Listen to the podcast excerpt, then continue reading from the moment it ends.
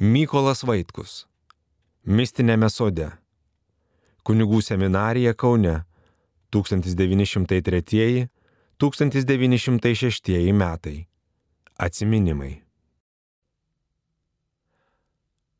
Užgavėnių koncertas. Na kaipgi švestume Velykas be gavėnios, o gavėnė be užgavėnių. Nuo senovės Lietuvoje užgavėnios buvo labai mėgstamos. Ir nedyvai. Gavinė būdavo labai griežta, tad jos įžangoj žmonės stengdavosi kiek galėdami skaniau ir apščiau prisisotinti, kad bent gražaus atsiminimo ilgam užtektų. Ir seminarija stengdavos neatsilikti nuo visos pamaldžiosios Lietuvos. Kaip ir valstybinės mokyklos, seminarija turėdavo keletą bemokslių dienelių, tad klierikai mažumą pailsėdavo, iki soties vakarais bendrai prisižaisdavo, o ir dienomis nežiopsodavo. O jau prisidainuodavo, užgavėniuose klerikai gaudavo riebesnius bei gausesnius pietus, net su trečioju daviniu, be nepampuškomis. O juk visi žinote, kas per gerumėlis jos yra. Tokios putlios, riebios, minkštos, cukrum pabarstytos, na, svaja ir gana. Be to dar negana, kaip ir valstybinėse mokyklose, būdavo tuo metu surošiami ar kokie vaidinimai, ar bent literatūrinis mišinėlis su skystesniu ar stipresniu koncertėliu. 1904 metais vyriausioji tos kultūrinės pramogos rengėjų buvo kunigas inspektorius. Vaidinimo jis, žinoma, nesurošė, bet sudarė netokią jau blogą literatūrinę programą, paragino klierikų chorą ką nors tinkamai išmokti, Rots pakvietė kunigą bylą, ką nors solo pagėdoti ir be nesmuikininką Leškevičių pagroti. Sakau Rots ir be ne, bet pasakosiu, lyg jie tikrai tą kartą būtų koncertavę. Nesgi man juos teko seminarijoje be muzikuojančius girdėti. Literatūros programa būdavo vadinama poliglota, daug kalbė, kadangi nuo senovės dvasinėse mokyklose deklamuojama įvairiomis kalbomis, kurios tose mokyklose būdavo kultivuojamos. Tad inspektorius programą ir sudarė atitinkamai. Nu, nebeatsimenu, kuriomis kalbomis kas ir ką gavome deklamuoti. Rusų kalba tikrai nebuvo įsileista dėl to, kad nekentėme maskolių engėjų, be abejo buvo kas nors lotyniška ir, žinoma, lenkiška. Prancūziško nieko nebūta. O vokiškai deklamuoti teko man. Iš vokiečių katalikiškos religinės literatūros Kriškijonas parinko tikrai vertingą dalyką Anetės Droste Huelshof iš jos poezijos rinkinio Metų šventės - senatestamentinės dvasios pakelia meditacija. Skirtasis vakaras atėjo. Sugužėjome į didžiąją salę visi - viršininkai bei valdiniai, artistai ir svečiai, nes ir tokių pasiryžėlių atsirasta. Ir prasidėjo. Inspektorius šį kartą išmintingai pasielgė nuobodžiuosius bei silpnuosius dalykus padėjo pradžioj, vadinasi deklamacija, o kad klausytojams lengviau būtų tą mikstūrą nuryti, įterpė vieną kitą choro pasirodymą. O į antrą dalį sudėjo muziką - solo dainavimą, solo smuiką, choro šedevrus. Mano pasirodymas buvo, rodos, netol pačios pradžios. Kadangi iškalęs tą drostę buvau solidžiai, tai išėjau nelabai tedrebėdamas ir išrecitavau visą ilgiausiai himną nesuklubdamas. O jei koks nors vokietis būtų girdėjęs, tai būtų juokęsis iš mano žemaitiškai vokiško akcento. Bet publika nesijuokė, ar iš mandagumo, ar nieko nesuprasdama. Ir tikram vokiečiui tas kūrinys nelengvai įkandamas, ką čia bekalbėti apie žemaičių seminarijos klierikus, netgi profesorius, nebent kuris būtų pirmiau skaitęs. Iš tokio atstumo aiškiai neberegiu, kas tuo kart dirigavo chorą ir komponavo bylai Beleškevičiui. Beveik tikrai galima teikti, jog Juozas Naujalis, seminarijos klierikų choro oficialinis dirigentas ir bylos Beleškevičiaus neišskiriamas naminių koncertėlių dalyvis. Du dalykėliai pasiliko giliai atminty ir širdį. Dvi Franco Šuberto dainos. Abi dvi buvo dainuojamos lenkiškai, ir daugumas Lenkų čia ir Lenkijoje be abejo mane jas esant Lenkų kompozitorių bei autorių. Viena buvo labai populiarioji anais laikais Lenkijoje ir plačiau šalia šaltinio auga liepa, o antroji nors vėtra užė aplink mus. Kaip tas choras ją sudainavo? Nežinau, kaip man dabar atrodytų. Anuomet atrodė gražiai. Manau, jog ir iš tikrųjų neblogai, nes juk choras buvo naujalio stipriai išmankštintas, nors tikrai gerų balsų mažą te turėjo. Betgi juk tos stebuklingosios Šuberto melodijos visą gali atpirkti. Pirmoji dainelė tokia paprastutė, švelnutė, krikštoliškai skaidri, o ausiai išimtinai maloni. Antroji audringa, drasi, o irgi šubertiškai melodinga. Štai ir mūsų kunigui bylai laikas.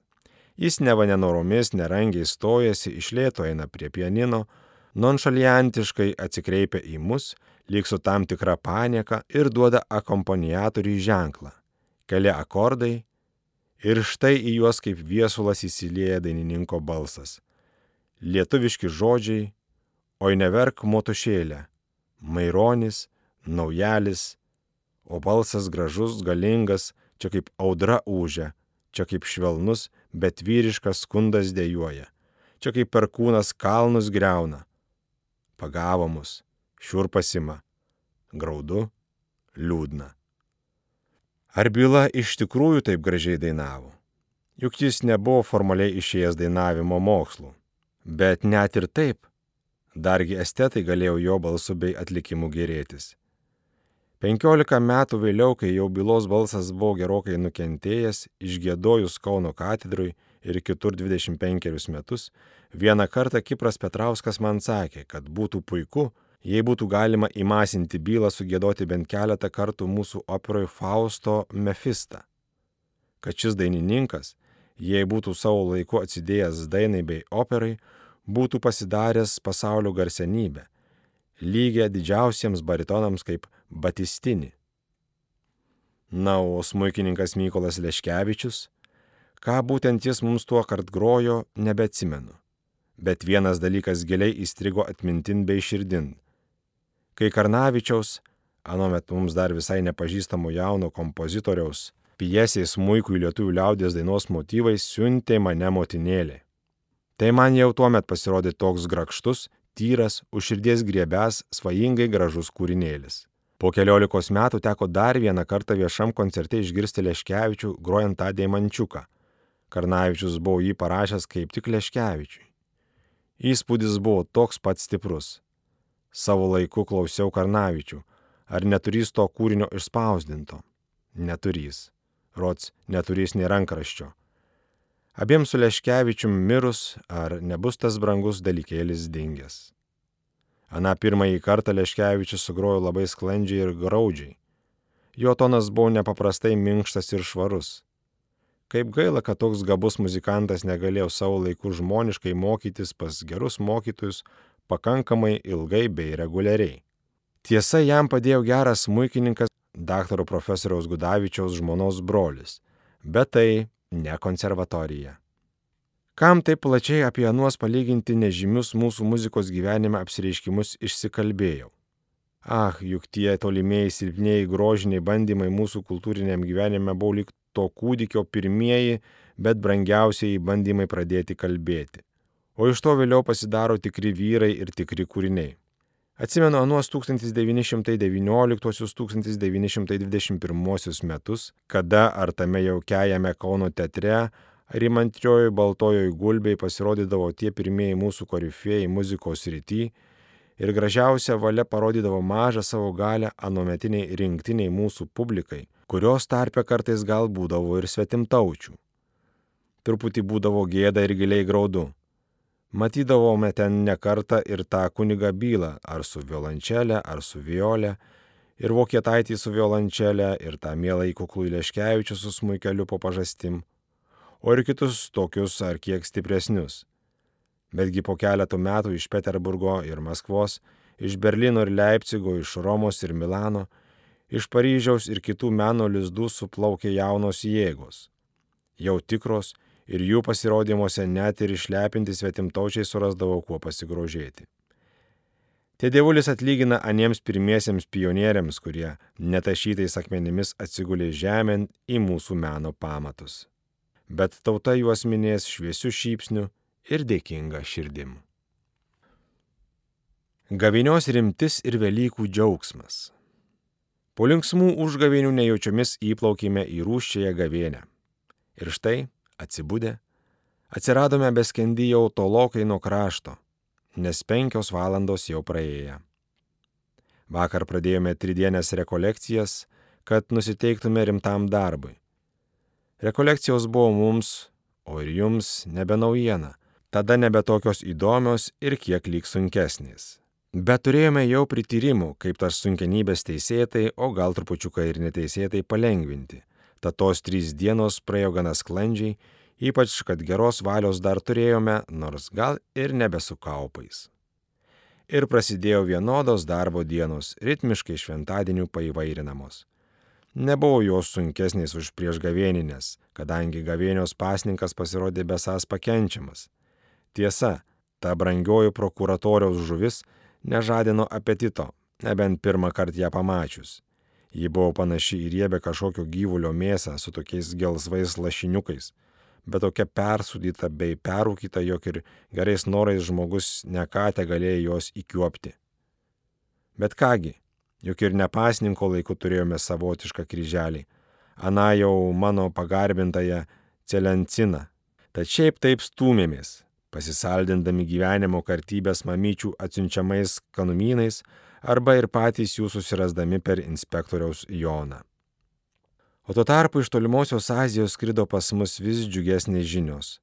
Balandžio pradžioje išplaukęs iš Port Artūro persekioti japonų laivų gabus energingas rusų laivyno vadas admirolas Makarov užbėgo ant minos ir nuskendo su savo Petropavlovsko laivu, moderniausiojo ano laivyno šarvuotojų kreiserių.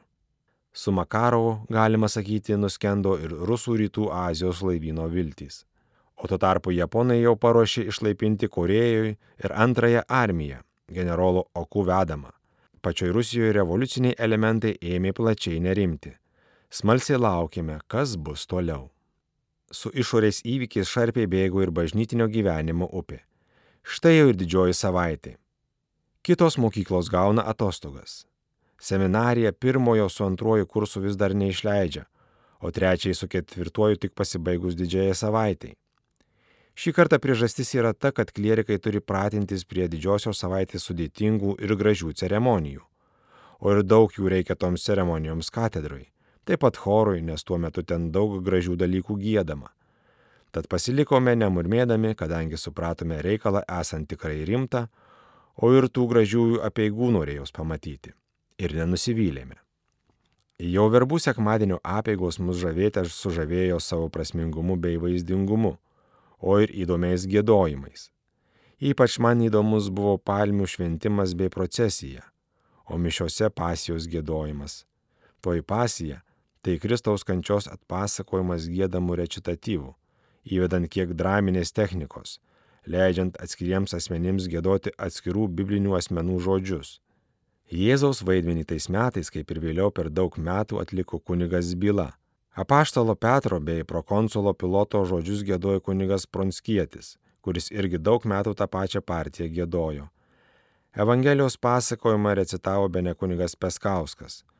Toks atlikimas labai pagyvina ilgąją Evangelijos istoriją. Erdvioji katedra buvo pilna žmonių ir niekas, rodos, nenobodžiavo. Atėjo didysis trečiadienis. Šį vakarą, ryto ir poryt vakarą bus katedroje tamsioji aušrinė, vadinamos lamentacijos, kadangi tuo kart gėdami pranašo Jeremijo dėjavimai bei skundai.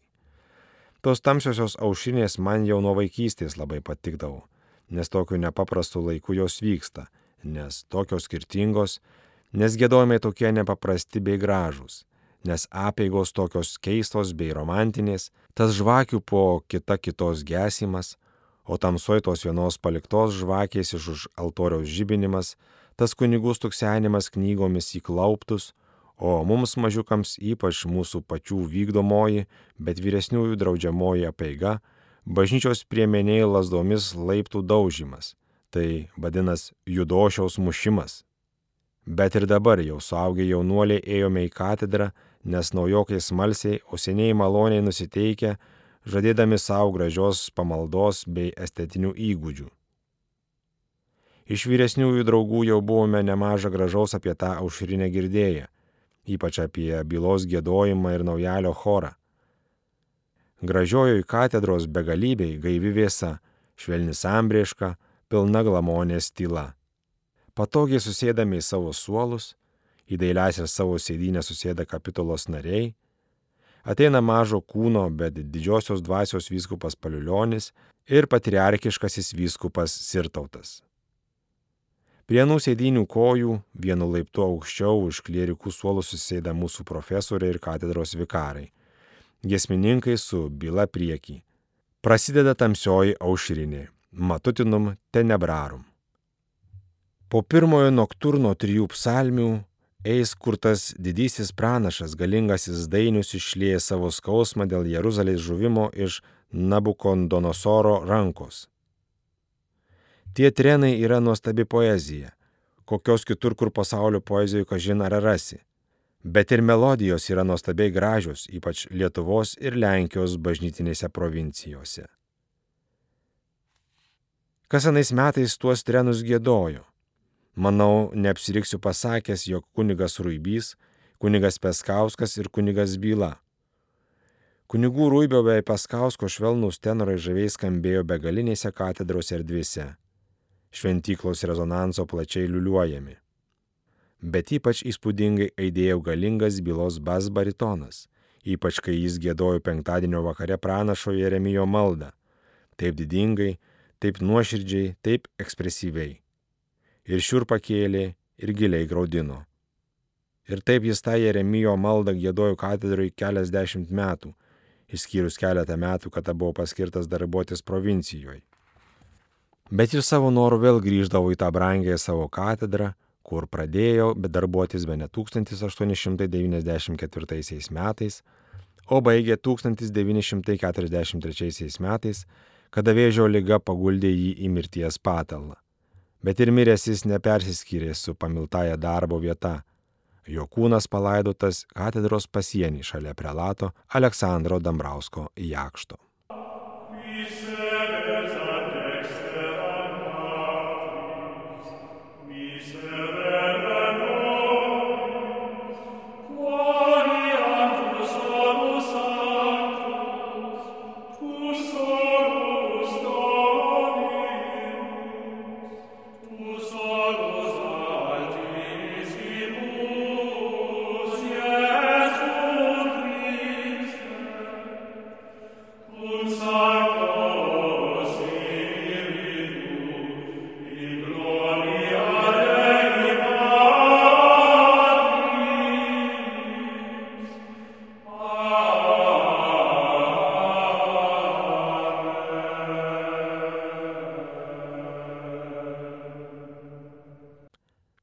Labai gražūs bažnytinės muzikos pavyzdžiai mums buvo aušrinės responsorijos arba atsakinėjimai. Tai trumpi šventojo rašto posakiai, parinkti gražiausi ir atitinka pamaldos turinį. Grakščiai pasikartoja, tartum įmantriam lyrikos kūrinėlį, nes tai iš tikrųjų yra gražios poemėlės, eilėraščiai. Juos gėdojo choras.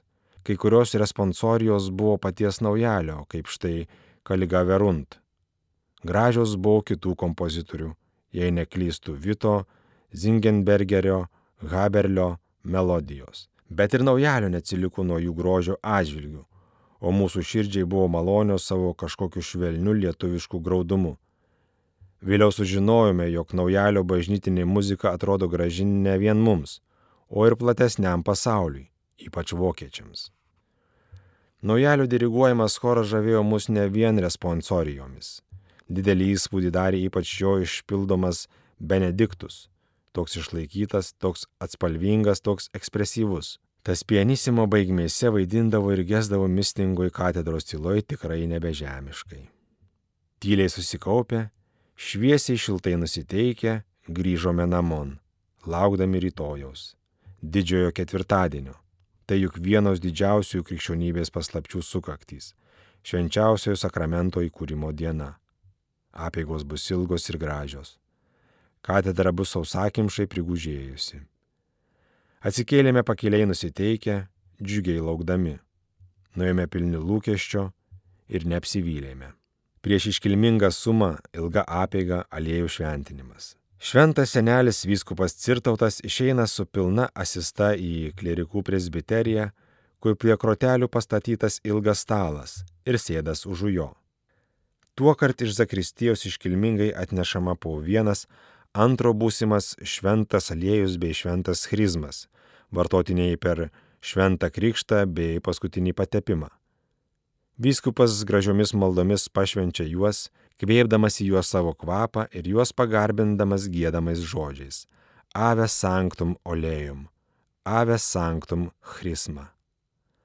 Tuo kart keliolika kunigų po du po kits kito eina, priklaudami ir gėdodami tuos pat žodžius kvėpti į aliejų ir savo kvapo. Tie aliejai bus išdalyti po visas vyskupijos bažnyčias.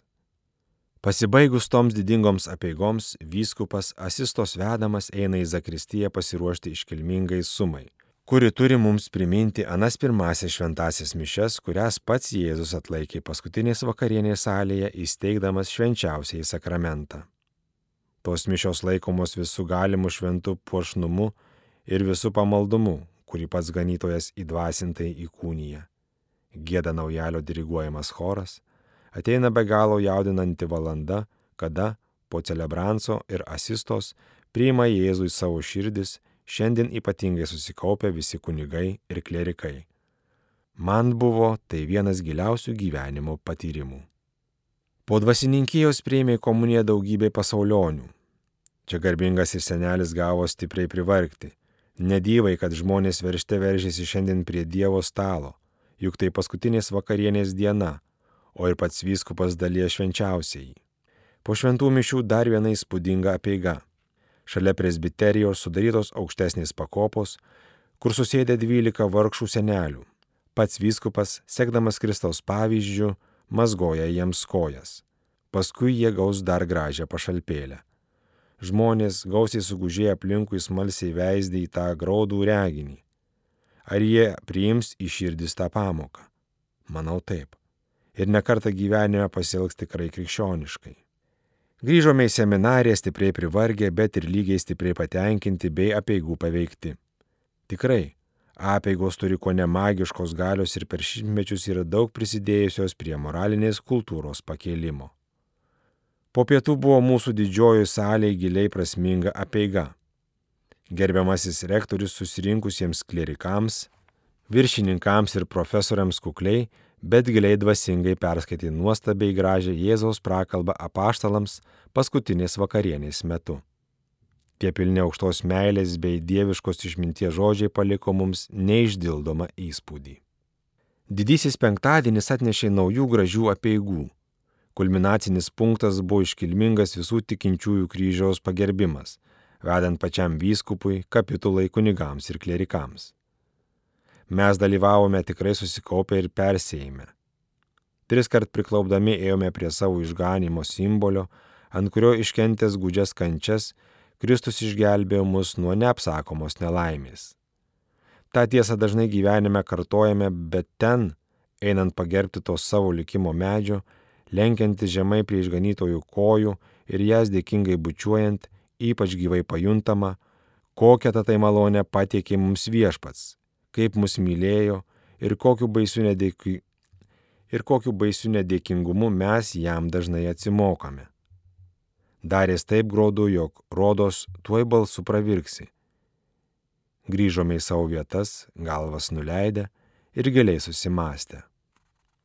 Antras pakilus dalykas buvo nepaprastosios mišios, iš anksto pašvestos aukos mišios. Ta diena nebėra tikrų mišių, kur sakramentiškai aukojasi Jėzus savo tėvui. Šiandien juk minima ana didžioji krūvinoji auka Kalvarijos kalne ir viskas susikaupė tame atminime. To didingojo įvykio šešėlis tartum jaučiamai siaučia visas šios dienos apeigas.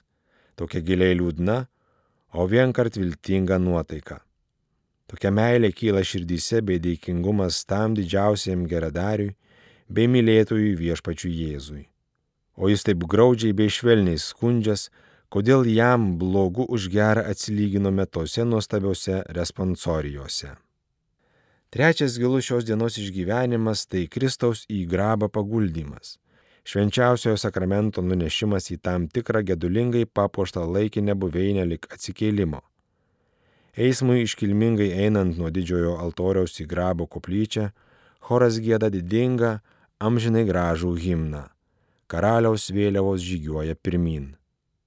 Viena gražiausių žmonijos kūrybui sukurta Fortunato Venancijaus, Poitiers vyskupo gyvenusio tarp 530 ir 609 metų.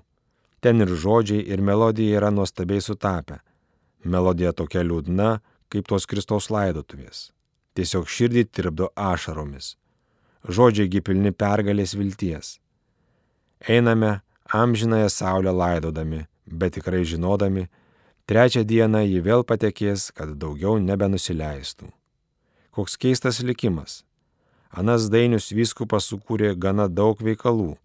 Vien poetinių kūrinių surinkta 11 knygų - himnų, epitafijų, poetinių laiškų, eilėraščių, karalienės Radegundos bei jos sesers Agnetės Poitiers vienuolyno abatės garbiai. Yra ilga jo poema Švento Martyno garbiai keturiose knygose ir keletas šventųjų gyvenimų proza. O kas juos skaito, netgi kas juos pažįsta. Gyveksila regis nemirė ir nebemirs. Kas nežino Lietuvoje mėgstamo papročio lankyti didįjį penktadienį bei šeštadienį Kristaus grabą. Tad ir mes, klerikai, uoliai vaikščiojame po gražiasias Kauno bažnyčias ir maldingai gerėjomės jų puošniais Kristaus grabais ir kitomis tų bažnyčių grožybėmis. Iš anuometinių bažnyčių architektūrinių atžvilgių man po katedros labiausiai patiko ypač iš vidaus karmelitų bažnyčia - tikras grožio žaisliukas o iš grabų man pasirodė du esą gražiausi - katedros savo paprastu moderniu puošnumu, beveik viengėlės ir dekoratyviniai augmens. Seminarijos bažnyčios, kažkurio senesnio tapytojo sukurta Kalvarijos kalno bei grabo uolos panorama. Čia jau grinai meno kūrinys, beveik be kitų puošmenų, betgi visuma tikrai meninė. Šeštadienio vakare seminarijoje būdavo prisikėlimo pamalda. Po jos tekdavo ilgai vakaroti, iki ateidavo laikas, kada reikia eiti į katedrą, į tenykštę rezurekciją 12 val. naktį. Einame anais 1904 metais naktį į katedrą ir stebimės, kad begaliai žmonių iš visų pusių plaukia. Ne vien katalikai, bet ir kitatikiai, net žydai, bent arčiau gyvenantieji.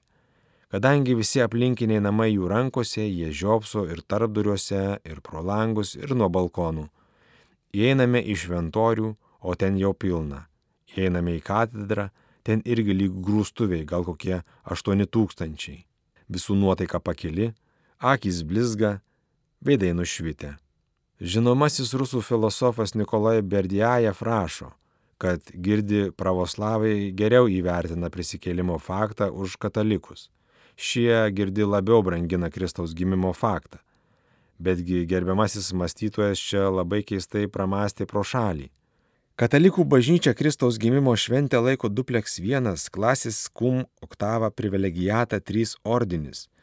Ir prisiruošimui prie tos šventės yra paskyrusi keturias advento savaitės, o Velykų šventę laiko duplex vienas klasis kum oktavė privilegijata vienas ordinis ir prisiruošimui prie tos šventės yra paskyrusi dešimt savaičių o paskutinioji didžioji savaitė yra pilna nuostabių pamaldų.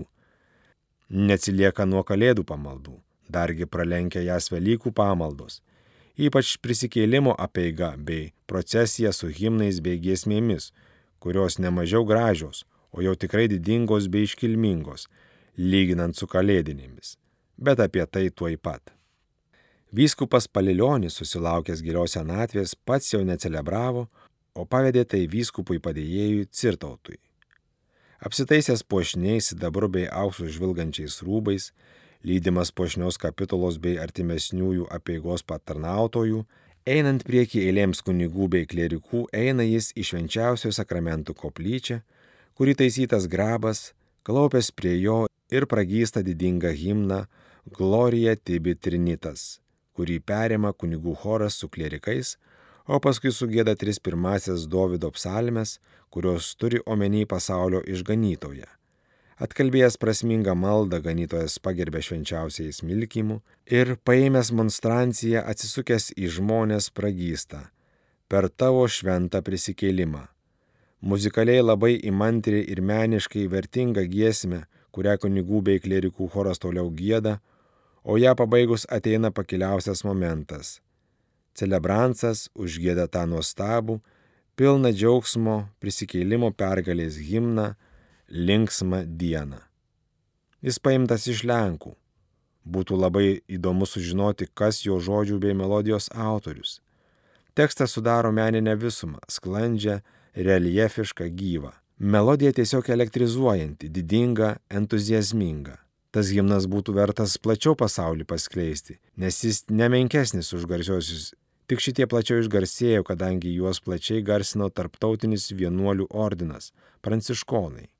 Lietuvišką kažkieno seną vertimą taisė poetas kunigas Jurgis Tilvytis.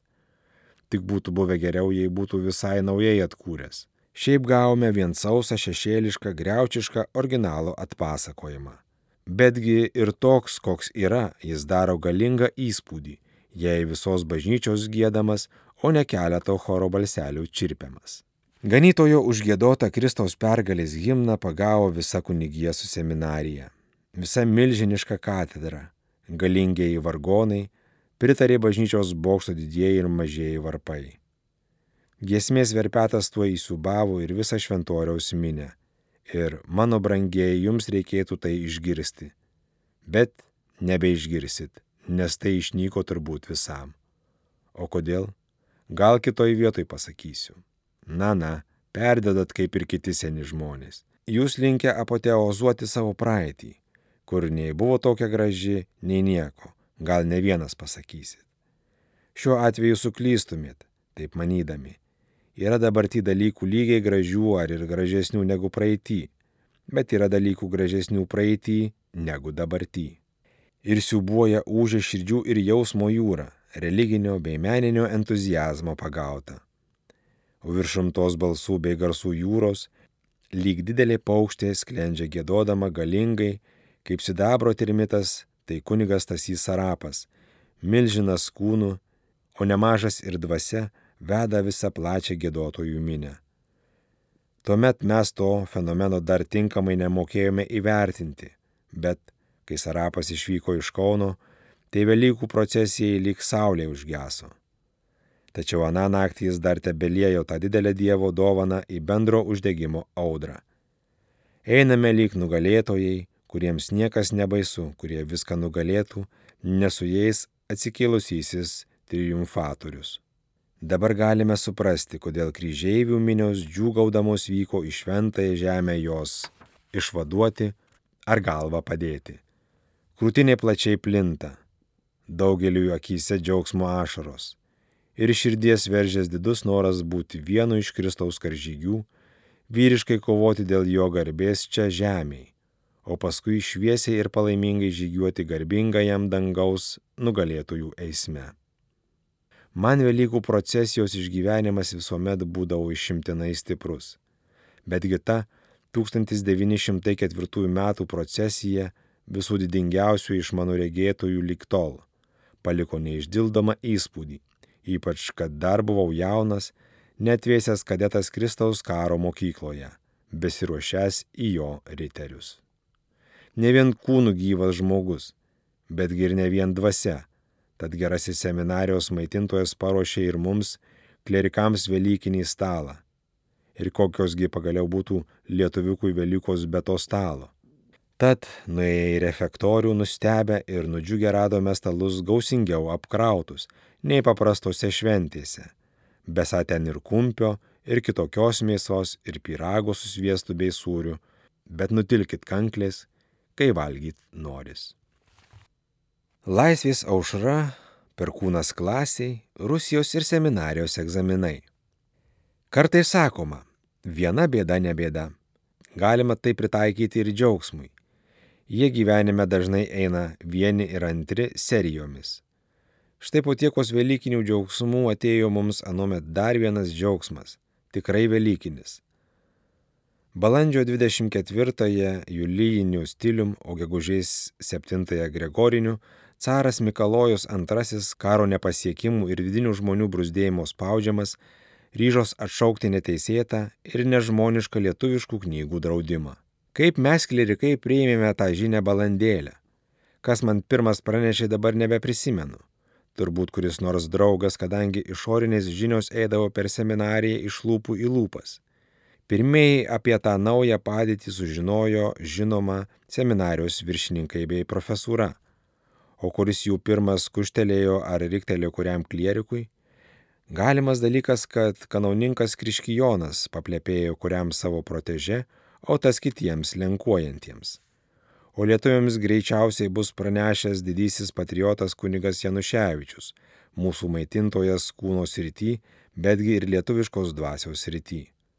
Gana to, kad umai šniokštelėjo per visą seminariją, maskolė nebedraus mūsų knygų bei laikraščių.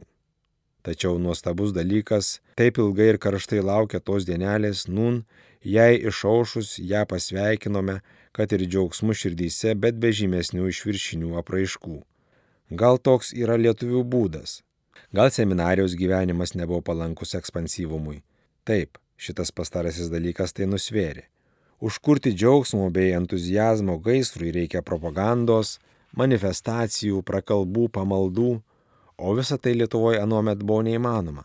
Rusų vyriausybė vargiai būtų leidusi, o dvasinė vyriausybė anuomet nebuvo labai tuo suinteresuota. Tad ir seminarijoje viršininkai nesurošė jokių nei pamaldų, nei kitokių iškilmių. Keista, kad ir patys klerikai, nors ir be ypatingo vyresnybės leidimo, nesudarė jokių susirinkimėlių, bendro pasidžiaugimo, dainų ar ko kito panašaus. Kaip tik tuo metu neturėjome judrios klerikų vadovybės, nes ketvirtajame kurse nebuvo kovingų patriotų, vien ramus lietuviai studentai prieš akį su dekanu Blažėjum Čeisniu kur buvo paskendęs savo studijos ir stengiasi neerzinti visą galingojo Kriškijono. Bet ar šiaip ar taip didelį pasitenkinimą jautėme širdyse. Net ir ne visai kilniais sumetimais, kokį smūgį pajus visa lenkybė. Kaip nosi nuleis visi Kriškijonai bei jų pataikūnai. Įdomu, kokią miną jie dabar rodys, o jie, bjaurybės, jokios minos nerodė ir dar ilgokai elgė su mumis lyg niekas nebūtų pasikeitę. Tačiau, žinoma, matėme ir rimtasias pasiekas.